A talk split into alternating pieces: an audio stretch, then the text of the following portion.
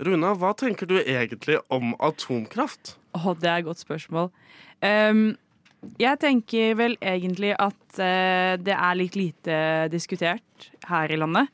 Vi har liksom bare slått fra oss det og sagt at nei, vi skal ikke ha noen form for uh, kjernekraft i Norge. Uh, og så er vi ferdig med den diskusjonen, og det syns jeg egentlig er litt synd. For det er jo ganske mye mer miljøvennlig enn denne olja vi driver og pumper opp, f.eks. Ville du sagt at du er pro kjernekraft på norsk jord? Jeg, jeg vager vel et sted imellom, tror jeg. Ja. At eh, jeg tenker at det er et bedre alternativ enn mye annet. Eh, og så må vi finne ut om vi har et annet alternativ som kanskje kan fungere enda bedre. Men vi må gjøre det ganske kjapt, da. Eh, vi har ikke så innmari god tid.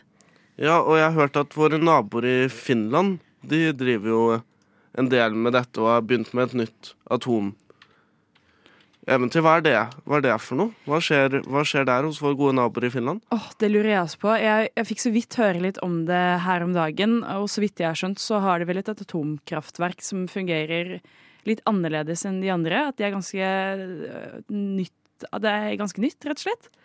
Og at de har en annen måte å drive det på som er enda mer på en måte fornybar og miljøvennlig enn en de forrige. Er det thorium? Det kan godt hende det er thorium. For thorium har jo vært mye prat om nå i det siste som et mye tryggere eh, versjon av det klassiske atomkraftverket. Og vi i Norden sitter jo på mye thorium, ergo navnet er vel oppkalt etter Thor? Sjølveste guden av eh, lyn og alt det der? Ja. Nei, jeg vet ikke noe særlig om det er thorium, det her, men det er jo på en måte det som har vært snakk om som Norges store bidrag i det. Men så er det jo den debatten du sier at vi rører ikke, rører ikke forskning engang. Men vi kan jo høre litt om hva de i Finland har drevet med.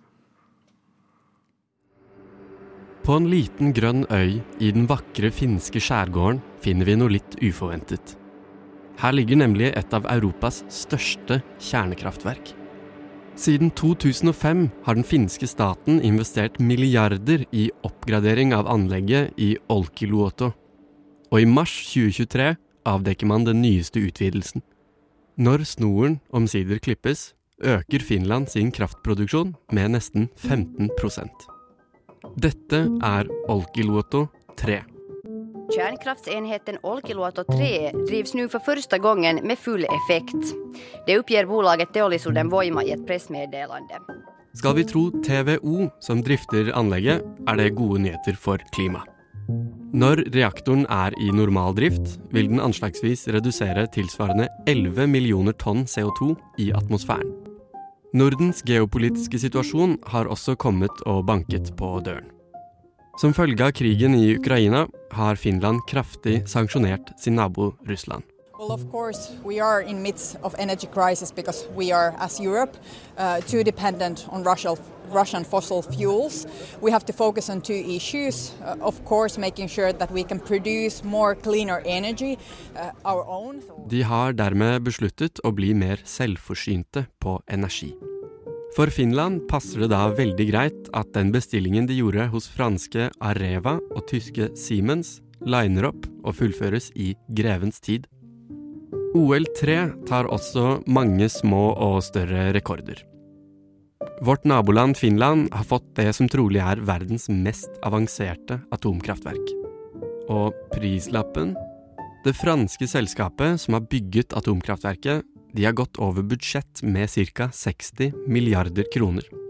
Kostnadene ble faktisk så store at den franske staten måtte steppe inn og kjøpe Areva, som gikk konkurs.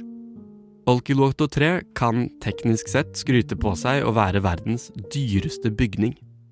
Men i franske og finske korridorer snakkes det nok ikke så høyt om akkurat det. Men la oss ta en liten pause. Snakker vi om Finland nå?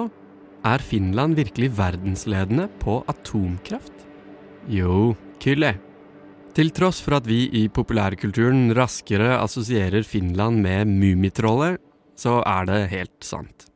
Det er kun to land i verden som drifter såkalte EPR-reaktorer. Det er Finland, og det er Kina. Som et ledd i sin sikkerhetspolitikk har Finland valgt å holde verdikjeden internt i EU. Drivstoffet kommer primært fra Frankrike og Tyskland. Hvordan skal vi håndtere alt det radioaktive avfallet?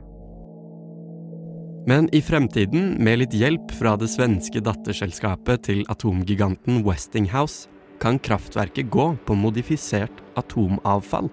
Ungefär en femtedel, nærmere sagt ca. 19 procent av Finlands nåværende elbehov produseres av Olkiluoto 3.